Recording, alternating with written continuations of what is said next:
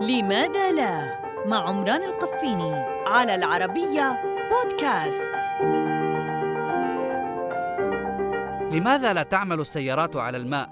صدعوا رؤوسنا بالتغير المناخي. وصدقوا فإن لم تصدق أن خفض انبعاثات الكربون مهم. فصدق جيبك. سيارة الأحلام بالنسبة إلي ليست تلك التي تطير أو تقود نفسها بنفسها بل تلك التي تعمل على الماء. ما المشكلة؟